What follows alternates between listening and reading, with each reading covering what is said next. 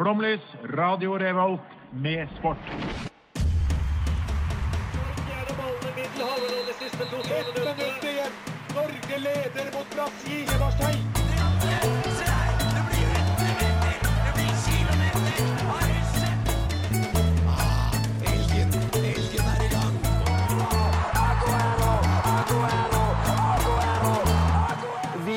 Tålmodige. Vi har sittet her og ventet i år etter år.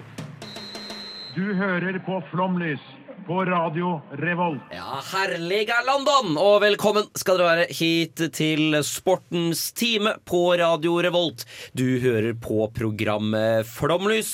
I Trondheim i dag så har det faktisk snødd litt, eh, og det passer helt utmerket for dagens tema, eh, som nemlig er kunstløp. Eh, Mitt navn er Kan du E- si det litt mer engasjert? Eller? Jo, jeg kan gjerne prøve enda mer engasjert. Mitt navn er Kunstløp. Mitt navn er Even. Stemmen du hørte her, hvem er det? Astrid Sofie. Hvordan har du det i dag? Jeg gjør det greit. Fint. Helt OK. Ja, Og eh, hvem har vi der? Sofie, Og du har det helt OK minus. Ikke sant. Det er eh, sånn det skal være i eksamensperioden. Ja. Men vi er ikke bare oss i dag, fordi vi eh, er nødt til å hente inn litt ekstern kunnskap. Og det har vi, det vi har gjort, er at vi har gått til musikkens rekker, faktisk, og henta inn en til. Og hvem er du? Det er Alexandra. Hadde du trodd at du skulle være med på sportsprogrammet på radioen? Det hadde jeg faktisk aldri sett for meg i hele mitt liv. Det er det siste jeg tenkte jeg noen gang kom til å gjøre. Vet du, det hadde Til og med jeg hadde ikke trodd at du skulle Altså komme fra musikk er og snakke sport. Ja, ikke sant. Men kunstløp er jo en veldig musikalsk sport, så det gir jo på en måte litt mening. Faktaboks er jo kjedelig, Den skal være gøy. Faktaboksen. Kunstløp er en av de mest tradisjonsrike vintersportene vi har. Den første vintersporten som noen gang ble en del av OL, da den ble inkludert i OL i 1908. Kunstløp er en av de største sportene i Russland og Japan, og er ganske populær i USA. Dessverre er den ikke så populær i Norge, til tross for at vi har en lang kunstløpshistorie. Sonja Hennie er jo fremdeles den kvinnelige utøveren som har flest OL-gull. Og en av de seks hoppene som du kan utføre i kunstløp, nemlig akselhoppet, er oppkalt etter nordmannen Aksel Paulsen. Under OL konkurreres det i fire forskjellige kunstløpsgreiner, individuelt løp for kvinner og menn, og parløp og isdans. Så hvordan fungerer en kunstløpskonkurranse? I en konkurranse utfører hver løper to løp, begge satt til musikk. Et kortprogram og et langprogram. For hvert program får løperen to poengsummer, en teknisk poengsum og en komponentspoengsum. Under kortprogrammet skal løperen utføre syv elementer, hvorav tre av de her må være hopp, tre skal være piruetter, og én skal være en trinnsekvens der man utfører en rekke avanserte trinn.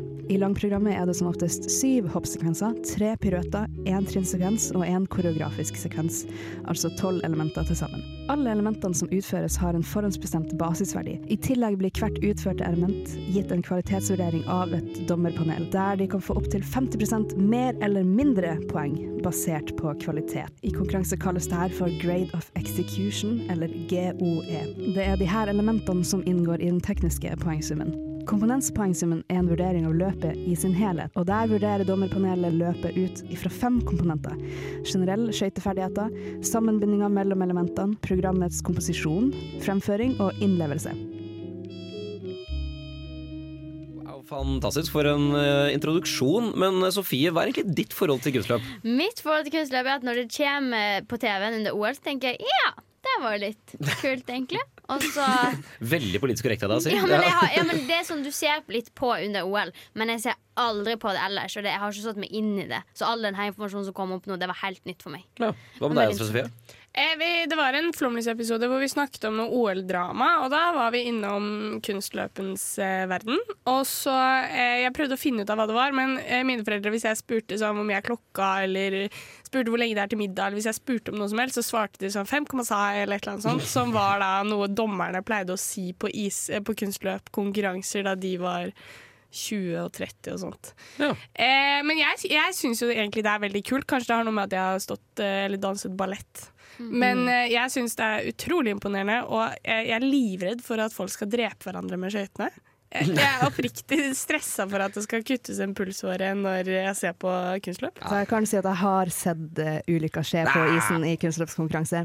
Som kan ha vært altså Det var på grense til at det kunne ha vært fatalt. Jeg har Ja. sett folk bli liksom I parløp når man løfter over hodet, så så jeg en gang at noen ble droppa på hodet. Å, fy faen. Så da kunne man jo brukket nakken. Det er okay, men, men, skummelt. sånn, det, det, det, det settes ukomfortabelt. Nei, men Jeg liker ikke å høre Nei, om sånne skader. Jeg liker ikke blod sånt, du. nei, jeg liker ikke det. Da går Eh, vi videre. da går vi videre i mitt eh, manus her. Eh, For å spørre deg, Alexandra, hvorfor er du her, egentlig? Det er fordi eh, kunstløp er den eneste sporten jeg bryr meg om. Nei da. Eller jo, litt sant. Men, eh, det er greit. Jeg, jeg har vært interessert i kunstløp en stund. Jeg har fulgt med på det i ganske mange år. Og så begynte jeg med kunstløp sjøl for ett år siden. Ja, i, her i Trondheim. Her i Trondheim, ja. Hvordan, hvordan er det man begynner med det, i så fall? Eh, her eh, i Trondheim så har de faktisk en klubb for voksne som har lyst til å lære seg kunstløp, som heter Trondheim Skating Team. Så jeg ble med der. Og hadde det veldig koselig og gøy, og nesten skadefritt. Skadde meg én gang. Men hva var det som gjorde at du begynte å følge med på kunstløp? Hvorfor er det så interessant liksom, å se på? Eh, ja, det kom jo musikknerden frem i meg. Det skulle jo bare mangle, siden jeg er musikkprodusent på Radio Revolt. Men eh, det var en, en av mine favorittartister som heter Sufjan Stevens, lagde en låt om Tonya Harding, som jeg tror vi skal komme tilbake til seinere. Eh, og den låta likte jeg veldig godt, og den tilhørende musikkvideoen var bare et, et løp hun løp. Og så var jeg sånn Å, det her var interessant. Så jeg begynte å liksom se på alle hennes løp. Og så så jeg på alle løpene på 90-tallet, OL 90-tallet, og så begynte jeg bare å følge med på det nye som skjedde innenfor kunstløp. Og nå er jeg for, forever fanga i kunstløpscursen. Men altså, mitt største problem med, kun, eller med så, generelt sånn issporter og sånn, er jo at du er konstant kald. Selv når det er på en måte 25 grader i Trondheim og deilig, så må du inn i en dritkald hall og fryse. Men du beveger deg jo. Jeg kan love deg at du ikke kan hvis du er på isen. Okay, Hvis du ok. ser på, kanskje. Men eh, du eh, nevnte at det var sånn kortløp og langløp. Hva er det som er mest publikumsvennlig av de to, da? Eh, jeg tror egentlig langløpet, selv om kortløpet er kortere, så er jo langløpet ofte mye mer spennende. Med at du, det er der folk begynner å gjøre de mest crazy elementene. Det er der man får kvadruppelhoppene og eh, flere trippelaksel og alt det der. Eh, For jeg tenkte på det litt i dag at eh, sånn, det er veldig mange som sier sånn «Å, dans er ikke en sport, og på en måte det å argumentere for at dans er idrett, det er vanskelig. Men kunstløp har jo alltid vært en OL, eller i hvert fall lenge vært ansett som en OL-gren. Er det på en måte er det lettere å bedømme, eller jeg vet ikke om du har noen mening om det, men uh. Det er jo altså uh, Jeg tror det er noe med at du har de konkrete elementene. At du liksom du har hopp, og alle hoppene har sine, hvert sitt tekniske uh, sånn kvalitet, og de vurderes ut ifra. Sånn, Så de har også et teknisk panel i tillegg til et dommerpanel som vurderer f.eks. rotasjon på hoppet.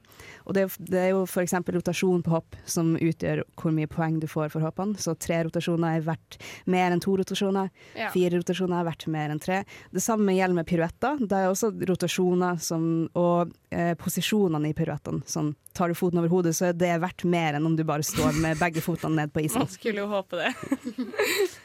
Men uh, vi skal la musikken nok en gang strømme over ørene våre. Men når vi er tilbake, uh, da skal vi bli litt mer kjent med hva egentlig greia med øh, stilpoengene i, i kunstløp er. Men først så kommer Sa G med 'Seven Minutes in Heaven'. Hei, jeg heter Sissel Jacobsen. Tidligere superkeeperen på damelaget i Åsgårdstrand. Nå bare bestemor. Eh, Ja, øh, hyggelig at Åsgårdstrand får litt shout-out også. Den gode gamle Vestfoldklubben. Det er ikke akkurat hver øh, uke, det.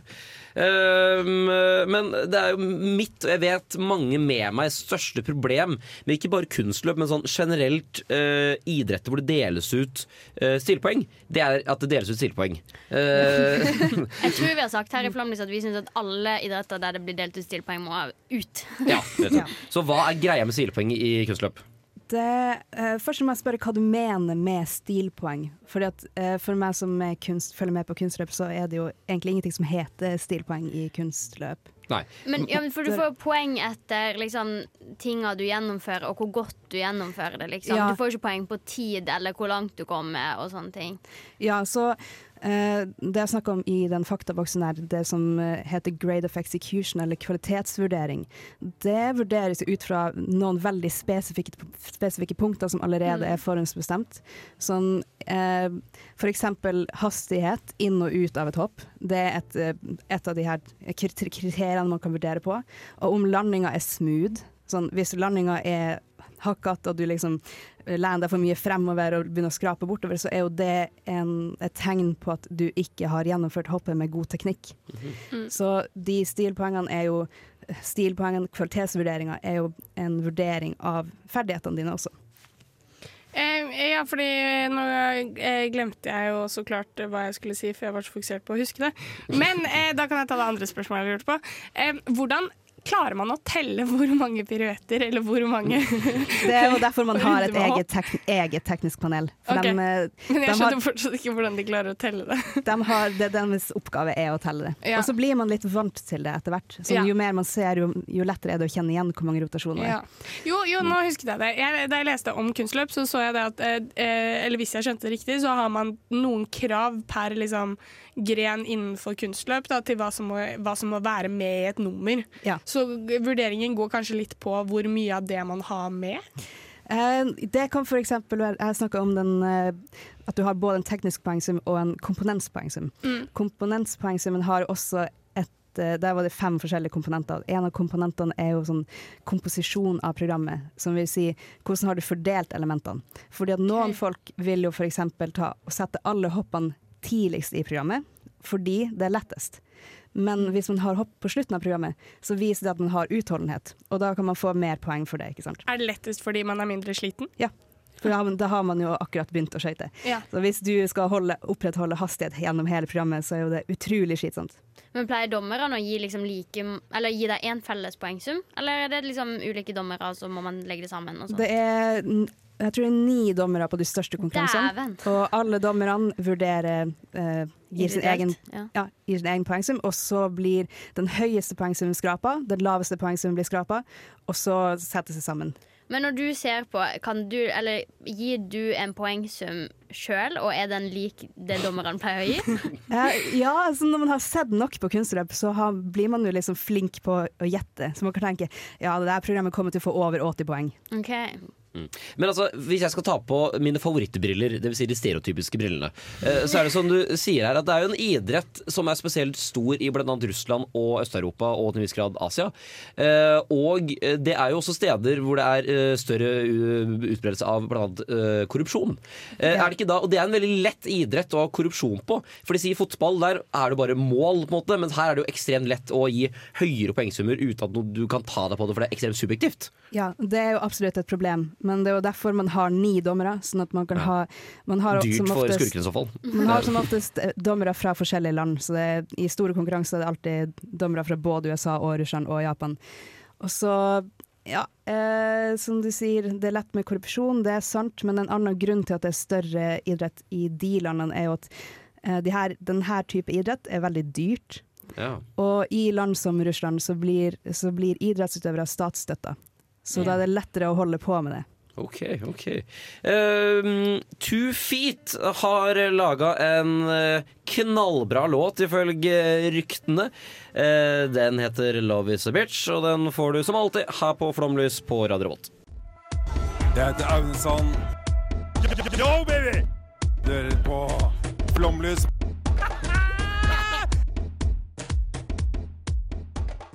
Jeg føler på en måte at den musikken vi hørte der i den jingeren, at den passer veldig godt til dette temaet her. Fordi musikk og isdans, eller kunstløp, er jo to ting som henger tett sammen. Ja. Jeg eh, så eh, Jeg ser alltid bitte, bitte litt på kunstløp øh, når det er OL. Og jeg noterte meg én ting. Dette er musikk som min far hører på, og min far hører på én radiokanal, og det er P4. Ja.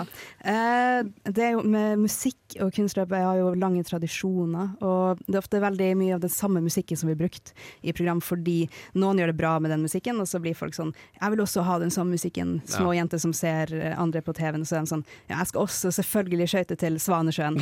så, så man har jo gjerne sånne eh, type musikkstykker som man kaller for war horses, okay. krigshester, som er ofte gjenbrukte. Og det byttes jo ut etter hvert som folk eh, skøyter bra program. Ja, fordi jeg så jo da litt i, i, i år, var det OL, eh, og da var det særlig to sanger jeg syns jeg hørte hele tiden. Var det Roxanne? Eh, nei, det var ikke Roxanne, faktisk. Det ene var, det var Shape of You med Ed Sheeran. Oi. Og så var Ja, det. Og ikke minst Unstoppable Messiah Ja. Fy faen, så den ble gikk på repeat! Ja, så det er sånn typisk at noen har skøyta til den låta og gjort det veldig bra, og så har folk vært sånn Jeg har lyst til det. Den låta som vi hørte nå nettopp, den 'Love Is A Bitch', er en av mine favorittprogrammer. Jason oh, ja. Brown skøyta til den i 2018. Og den har også blitt eh, i juniorkretser brukt litt. Men, Men, eh, han, ja. er ikke han er jo ikke i verdenstoppen sånn Eller jo, han er topp seks, men eh, fortsatt ikke de, en av de eh, beste.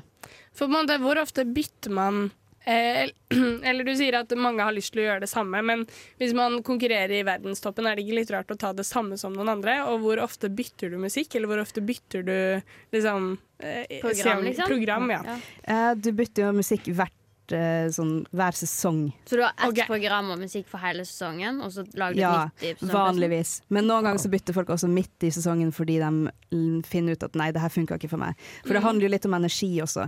Og det er kanskje derfor eh, musikk blir gjenbrukt på den måten at uh, du ser en annen løper skøyte til et program, og så uh, finner du ut at ja, det her funker veldig bra fordi du har en bra rytme eller har en bra oppbygging, og det er liksom lett lettere å skøyte til. Det er veldig Men- vanskelig å skøyte til program som ikke har eh, musikk som ikke har bra oppbygging eller bra rytme. Men hvis man uh, skøyter til samme program og musikk hele sesongen, er ikke det ganske kjedelig når du kommer på slutten av sesongen og være publikum eller å se på på TV, og så har de gjort det samme sånn for 20. gang, liksom? Ja, men det er jo bare én løper som skøyter til det programmet, på en måte. Ja, Altså, men hvis du følger med liksom ofte, da? jeg, eh, kanskje. Jeg syns personlig ikke det, fordi eh, når man skøyter til samme musikk gjennom hele sesongen, så blir man jo på en måte kjent med programmet, og så eh, kan utøveren vokse i det og bli flinkere.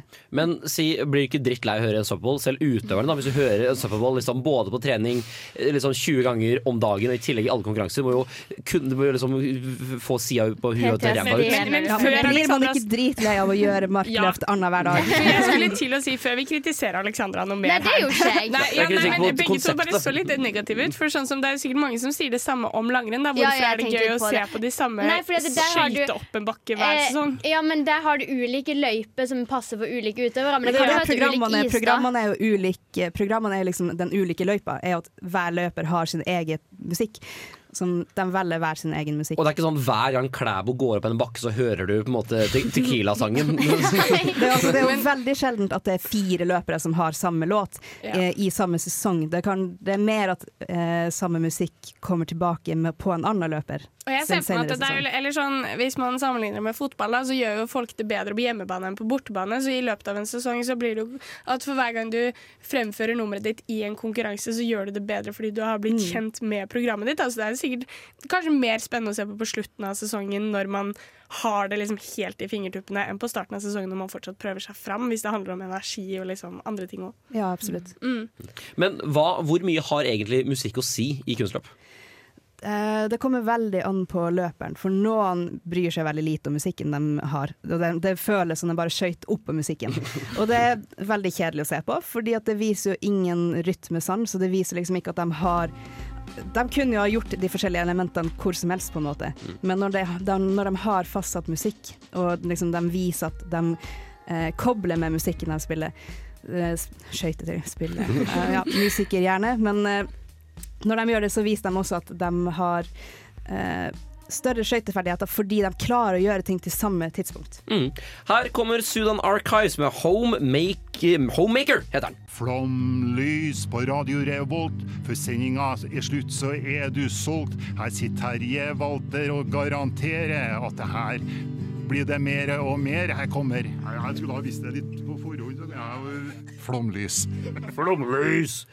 Um, det er jo fra OL i 1994, sett bort fra at Norge var bra og Norge var best og hurra meg rundt, så var det jo kanskje for alle andre, særlig amerikanere, Alexandra, en episode som skilte seg litt ut. Kan ikke du fortelle litt mer om hva det var for noe? Det er jo selvfølgelig eh, Tonja Harding-skandalen.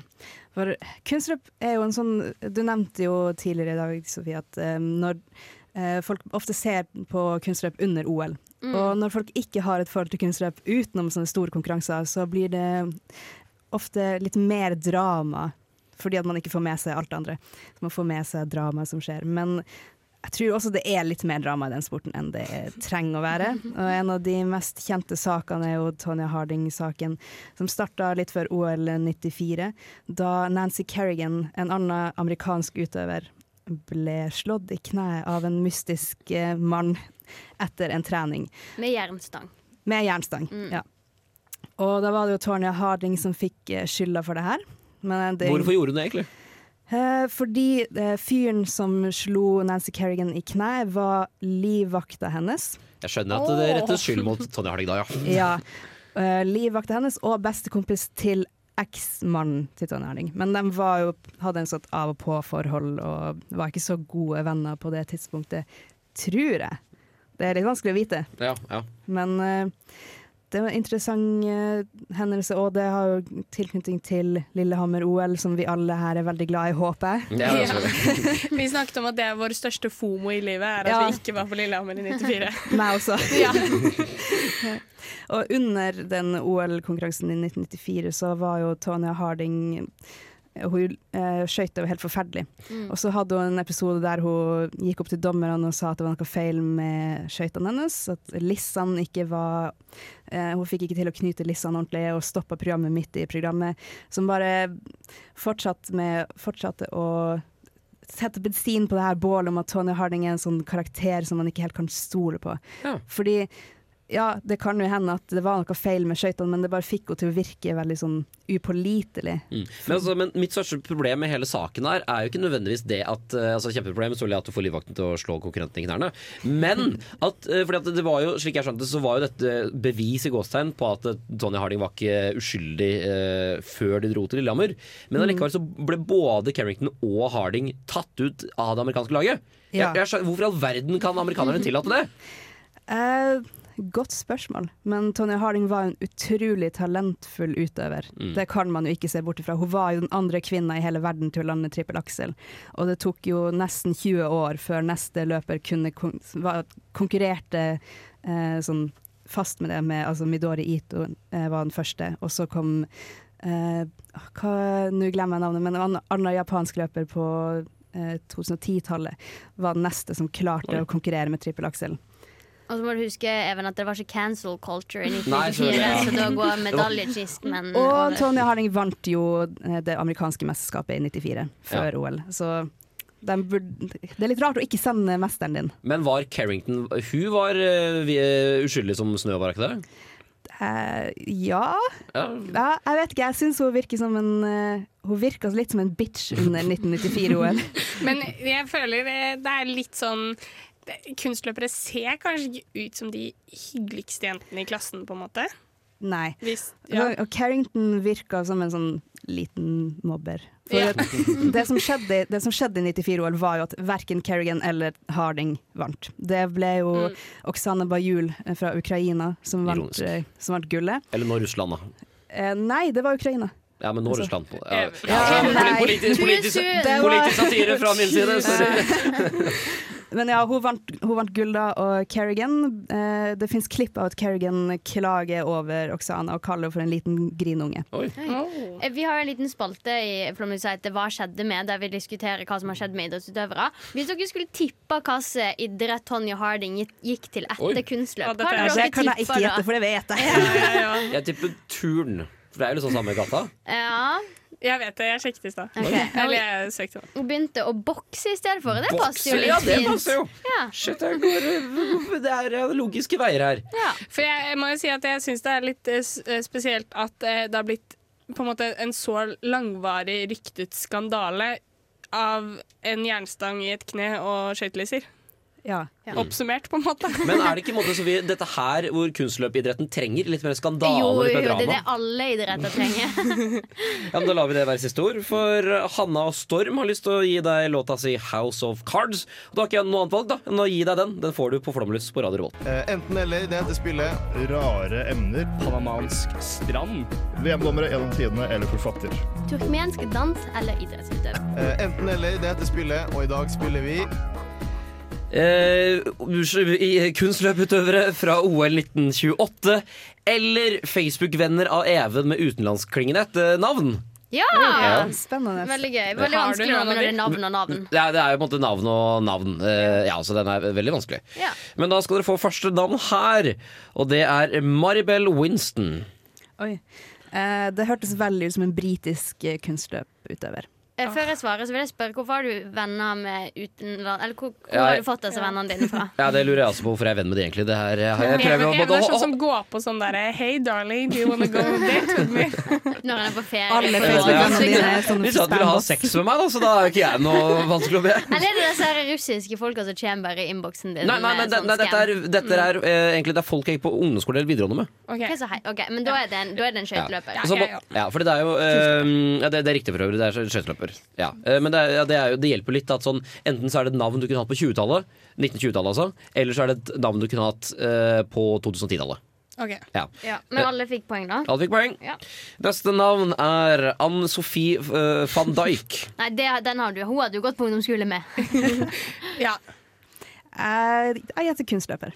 Det er en nederlandsk skolevenninne av meg. ja, van Van Dijk, ja. Ja, ikke sant, ja så det er, Men du skriver det med E til slutt. Altså. Den er ikke, dessverre ikke familie. Nei. Irminta Jokonøte. Det er kunstløpet ja, det er ikke, du har ikke gått i klasse med det. For i så fall hadde du det. fortalt om sånne.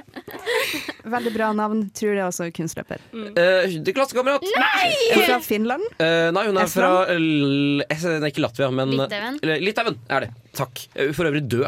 Så rest in peace til deg, Irminta. Ja. Kødda du? Hun fikk slag på et fly en gang, eh, og så havnet hun i rullestol et år, og så tok hun kvelden. Så rest in peace til deg. Det var sykt trist. Ja, det- det- det- det er ikke noe gøy, ja. Men litt. så Unnskyld at jeg ler, og så er du venn med henne på Facebook. For. Jeg skjønner ikke. Nei, eh, det, det, det, det, det, det er liksom det da, som skjedde, da. Men det er også sånn, igjen Du har ikke fortalt om dette. Ja, det er faktisk veldig masse Even ikke har fortalt. Ja, så det det kommer, kommer veldig mange. Mer, mer. Det kommer alltid, ja. Så det kommer alltid noe frem. Wow. Fritz Burger. Jeg håper det her er kunstløper. Kunstløper, så hadde du òg sagt det. Ja, kunstløper. Jeg er kunstløper, det er riktig. Yes. Ja. Eh, og så da har vi da uh, Michaela Haidt, Kunstløper. kunstløper. Klassekamerat. klassekamerat Ah! fra barneskolen. Vel 3-3-3. Ja. Visste ikke at Tønsberg var så multikulturelt. Nei, Nei, det ikke kan man si. heller. På Nøtterøy. til slutt så har vi Lilly Scholz. Eh, Kunstløper. Ja. Å, jeg håper det er kunstløper. Det- Men skal skal jeg ta klassekamerat for å gjøre det litt mer spennende? Ja, Det gjør, gjør det. Ja, så har du svart. Jeg er kunstløper. Kunstløper. Det er Hvordan ligger vi an med poengene? Eh, 3-3-3. Shit, og du, du, bare for å gjennomgå, du har tatt Kunstløper. kunstløper altså, Mm. og klassekamerat. Og riktig svar er kunstløper. Yay! Så hvis vi ble delt seier i dag, faktisk. Ja. Eh, det betyr at jeg hadde jo en eh, feit premie på, på gang igjen. Men den får jo ikke dere, selvfølgelig. Fordi når det blir uavgjort, så går den til meg. Nei, men, nei, da kan du ta en ekstra en. Ja, ja, ja, ja, det var spøk. Jeg hadde ikke noe Ok. feit premie. Eh, men med det sagt så går vi rett og slett videre i programmet her. Uh, årets første singel fra Anniken Justin er et herlig stykke uh, pop-rap. Eh, og eh, Trondheimsartisten utråder selvtillit og potensial med dennes selvproduserte låta.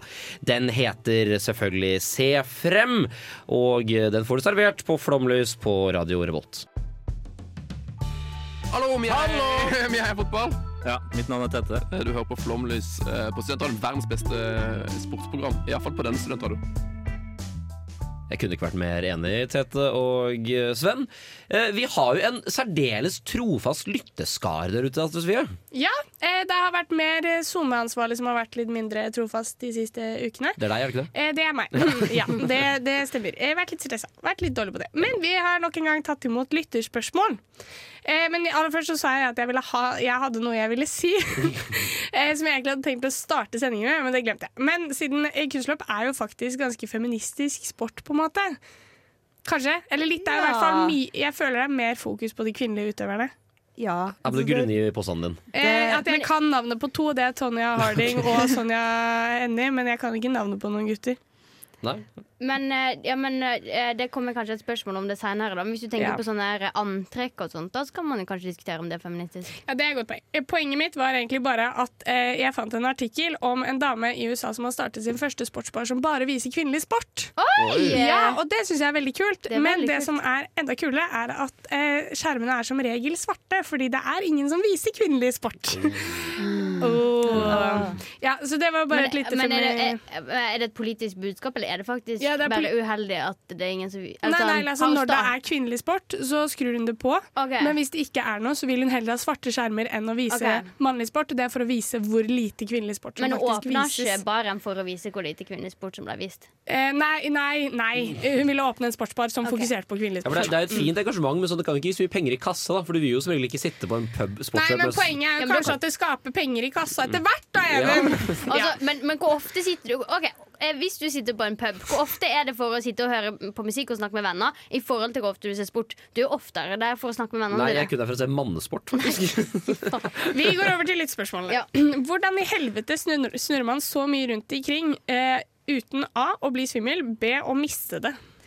Eh, det, man mister det, og man blir utrolig svimmel. Man blir bare vant til å ignorere svimmelheten. Altså, altså, man blir utsatt for G-krefter, og folk får mini-hjernerystelse av en hastigheter noen gang. Så, Hæ? Av det går ja. fort, liksom? Ja, altså noen av de som snurrer fortest, ender opp med å få sånn mini-hjernerystelse flere, gang, flere ganger pga. det. Og så blir de permanent skada i hjernen av det. Så jævlig mange Det er jo dum, dumme kunstløputøvere, da. Ja. det kan man sikkert si. Det passer fint på sånne Men ja, og sånn. da. man blir svimmel, og det fins ingen kur annet enn bare å bite det Men er det, er det noen tips til å bli mindre svimmel? Hvis vi, som, vi skulle tatt oss en tur på isen, da, hva ville du sagt eh, er tips? I ballett så spotter man jo. Ja, jeg tror det er litt det samme som i ballett. Du kan, du kan jo spotte, men samtidig at du velger et sted eh, som du holder fast på med øynene. Liksom. Så du ser dit, og så snur du hodet dit før resten av kroppen kommer seg dit. Men Ok. det er litt vanskeligere i kunstløp, fordi du har alle de pos posisjon- posisjonene i piruettene dine, som f.eks. du skal løfte foten opp bak, og da ser ender du med å se opp i taket, og Ah, ja, hvor skal du spotte ja. da? Ja, nei, ikke. Det er et godt spørsmål. Eh, kan man ha vokal i kunstløpprogramsangen? Eller låta? Ja. Det er en helt ny regel. Eh, Før så var det ikke lov, men i 2014-sesongen så ble det lov å ha med vokal i musikken. Er du for eller mot det? Veldig for. Vet du hvorfor det ikke var lov? Jeg tror det, det var bare fordi at altså, Kunstløp er jo en gammel sport, og det er veldig mange som er sånn Nei, vi skal bare ha ballett-type musikk. Ja. Eh, hvorfor er du for? Fordi at jeg syns det gir mer variasjon, og jeg liker Som, som en eh, person som er veldig glad i musikk, så liker jeg jo at den følelsen man kan få av vokal. Og det er jo ikke like bra hvis du bare måtte ha hatt en karaokeversjon. Mm, ok, Ikke spørsmål, men jeg vil vite mer om skiballettens vidunderlige verden. Kunstløpets stygge lillesøster. det, kan vi, det er det. Du kan høre på OL-episoden langt tilbake i tid. Der er det litt mer om det. Men ja, for det er jo en, det er en veldig kul idrett. Og det er, Ja. det er, sånn, det er kul Mm. bruk av staver, bare at sånn, du liksom kan bruke det til å sånn, ta fraspark og sånn. Ja, Så men det er begrensa. Altså, du når et nivå, og da kommer du ikke lenger. ja. Ja, men Det er kanskje bare fordi de slutta å ha det som en OL-idrett. Hvis de hadde fortsatt med det, så kanskje de begynte å se kvadruppelhopp på ballettski også. det hadde vært rått. Ja, for det er veldig mange dumme idretter, så det er på en måte, jeg kan, uten å komme på noen andre, jeg kan ikke se for at det er den dummeste idretten som er i OL. Nei. Nei. Neste spørsmål er liker man å ha på draktene. Kommer vel an på hvem du spør. Vi spør deg. Uh, ja, meg. Jeg har aldri hatt på meg en drakt, fordi at jeg ikke er på det nivået ennå. Så jeg bare skøyter med vanlige treningsklær. Jeg tror noen syns det er litt kaldt i tights. Uh, guttene er jo litt heldige der at veldig standard kostyme er bare bukse og skjorte, liksom. Mm. Så det er ikke veldig fancy. Mens på kvinnesida så er det kanskje litt større press på å ha litt mer ekstravagante kostymer, som noen Jeg regner med at noen setter ikke pris på det, men Nei. Kanskje noen føler seg veldig fine i de kostymene også. Jeg har gått på rytmisk gymnastikk, og på det tidspunktet så var jeg ikke i min beste form, så jeg likte det ikke. Men de jeg var på tropp med, de likte det kjempegodt. da. Men det er en sånn mini-Eurovision-stemning, er det ikke det, de kostymene? De som har bra kostymer, ja. Ja, ja, for jeg, det er blir litt, og- jeg blir jo litt sint når folk har dårlige kostymer, for det er sånn Du kunne ha lagt litt mer tanke nedi der. Men få, kan man få mindre poeng av det ved å ha ræva kostyme? Nei. Eneste, eneste man kan få mindre poeng av, er hvis kostymet er laget på en sånn måte at du mister deler på isen. Ja. Fordi at det kan være farlig for andre utøvere, så da mister man poeng. Men vet du hvor mye et kostyme vanligvis koster oppi liksom, de høyeste divisjonene? Og har du favoritt-kostymedesigner? Eh, ja. Eh, de, altså, oppi det høyeste divisjonene der, så kan kostymene koste opp mot eh, 10 000 dollar. fy det er veldig faen! dyre kostymer der. Og det er er derfor statsstøtte er veldig nyttig. Mens eh, sånne lavere eh, Da kan man jo bare lage et kostyme sjøl, eller kjøpe en kjole som har litt stretch. Mm. Så, men eh, hva var ditt spørsmål? Nå glemte jeg det. Eh, om om du har en favorittdesigner. Favorittdesigner. Jeg har ikke favorittdesigner, men jeg har favorittkostyme. Og Ja. det var jo til det programmet jeg snakka om i sted, med Love is a Bitch-musikken. Jason Mm. Brown. Eh, han har en sånn helsvart drakt, turtleneck, med liksom blå glitter nedover sida. Utrolig sexy kostyme. Oh, kult. Det må vi søke opp etterpå. Jeg prøver å søke noe om Ja, det var veldig kult, ja. Kan også anbefale alle våre lyttere til å søke opp. Skal Ja, søke på, vi kan legge det ut på Instagram Instagram Jason Brown. Love is a bitch. Ja. Eh, hvordan kan det bli bedre og morsommere å se på? Eh, du bare setter ned, skrur på TV-en, og skrur på lyd. Mm. Og så følger du med, og så ser du oppi det lille hjørnet der så ser du at det står trippelaksel, og så kan du være sånn Oi, nå begynner jeg å kjenne igjen hva en trippelaksel er. Ja. Og når du begynner å kjenne igjen elementene, så blir det plutselig litt artigere. For jeg tror det er det samme med all sport. At sånn fotballkamp, Det er ikke gøy å bare se på en fotballkamp, men når du kjenner litt til spillerne, kan litt Mm. historie, så er det Mm. morsommere. Det samme 1. Det var ingen som så på det før Drive to Survive kom, men når man da kunne historien bak og kunne litt mer, så var det gøy å se på. Og så kanskje bare velg deg en løper, og, ha, og hei på dem. Da er det med en gang mye artigere. Men tror du kunstløpssporten kan gjøre noe grep for at folk skal begynne å se mer på det? Vi kan jo, eller et eksempel er at Svømming er også en sport som bare folk ser på i OL. Så det er en f polsk fyr som har begynt med sånn innendørs eh, bassengsvømming med diskostemning og alkohol. Ja, det jeg så på eh, Før OL nå, så var det at noen amerikanske kanaler hadde liksom eh, sånn one-on-one-videoer før konkurransene, der de bare forklarte litt sånn enkelt hvordan de forskjellige hoppene utføres og sånt. Som jeg tror det kan gjøre det litt mer tilgjengelig, for akkurat nå så er det jo utrolig mye teknisk og mye sånn her detaljgreier. Og sånn, Mm. Ja, det her elementet her er verdt 3,2 poeng, og det her er verdt eh, 4,1. Så gir det ikke så mye mening hvis man ikke kan absolutt alle elementene. Nei. NRK TV 2, hør. Ja, Here hør, hør. Ja. Eh, Har du, er det noen som har rettigheter til disse greiene, forresten? I Norge? Eh, det er vel via Play som har det alltid. Det er alltid. Ja. um, siste spørsmål. Hvordan kan jeg maksimere poengsummen min? Føler jeg har nådd et platå. Du kan jo begynne å øve på litt kvadruppelhopp. Ja, det, Vi får jo håpe han ikke har lært seg det ennå. Ja, håper det. Jeg tror ikke det er en eneste norsk utøver som har det, så hvis du blir den første, så er jo det helt ekstremt. Eh, Det som blir eh, ikke ekstremt, men ganske deilig, det blir låta til Daniel Herskedal og Emilie Nicolas, for her gir det deg Out Here.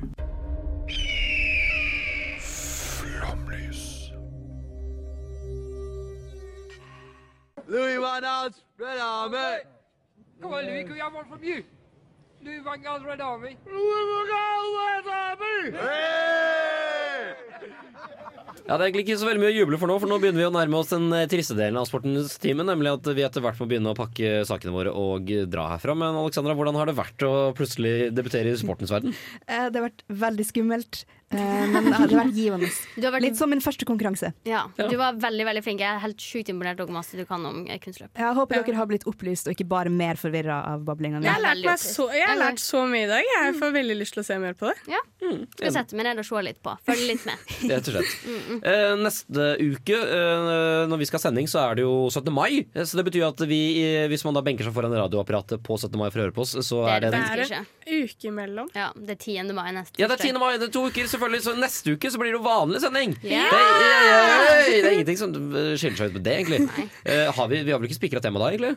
Eh, nei. Nei, så det er egentlig bare å vente i Eller det står at Synne skal være gjest, men Synne er jo bortreist, så vi får se det- om det går. Det kan hende at det blir, kanskje blir snuker og greier. Vi, Nei, det er 24. mai. Det er 24. mai, selvfølgelig. da, vi, følg med. Sending blir det i hvert fall jævla her. Eh, men Alexander, tusen takk for at du kom. Eh, Veldig hyggelig å få lov til å gjeste. Astrid Sofie, tusen takk for at du kom. Åh, vær så god, Even. Ja, og Sofie, tusen takk for at du kom. Tusen takk for at jeg fikk komme. Det var veldig Ja, her, gleden er som alltid på min side. Som vanlig så avslutter vi jo med O Ymnos to Panamfanaiko av Giannis Vogatsis. Ha en fantastisk eh, tirsdag videre. Ha det. Ha det.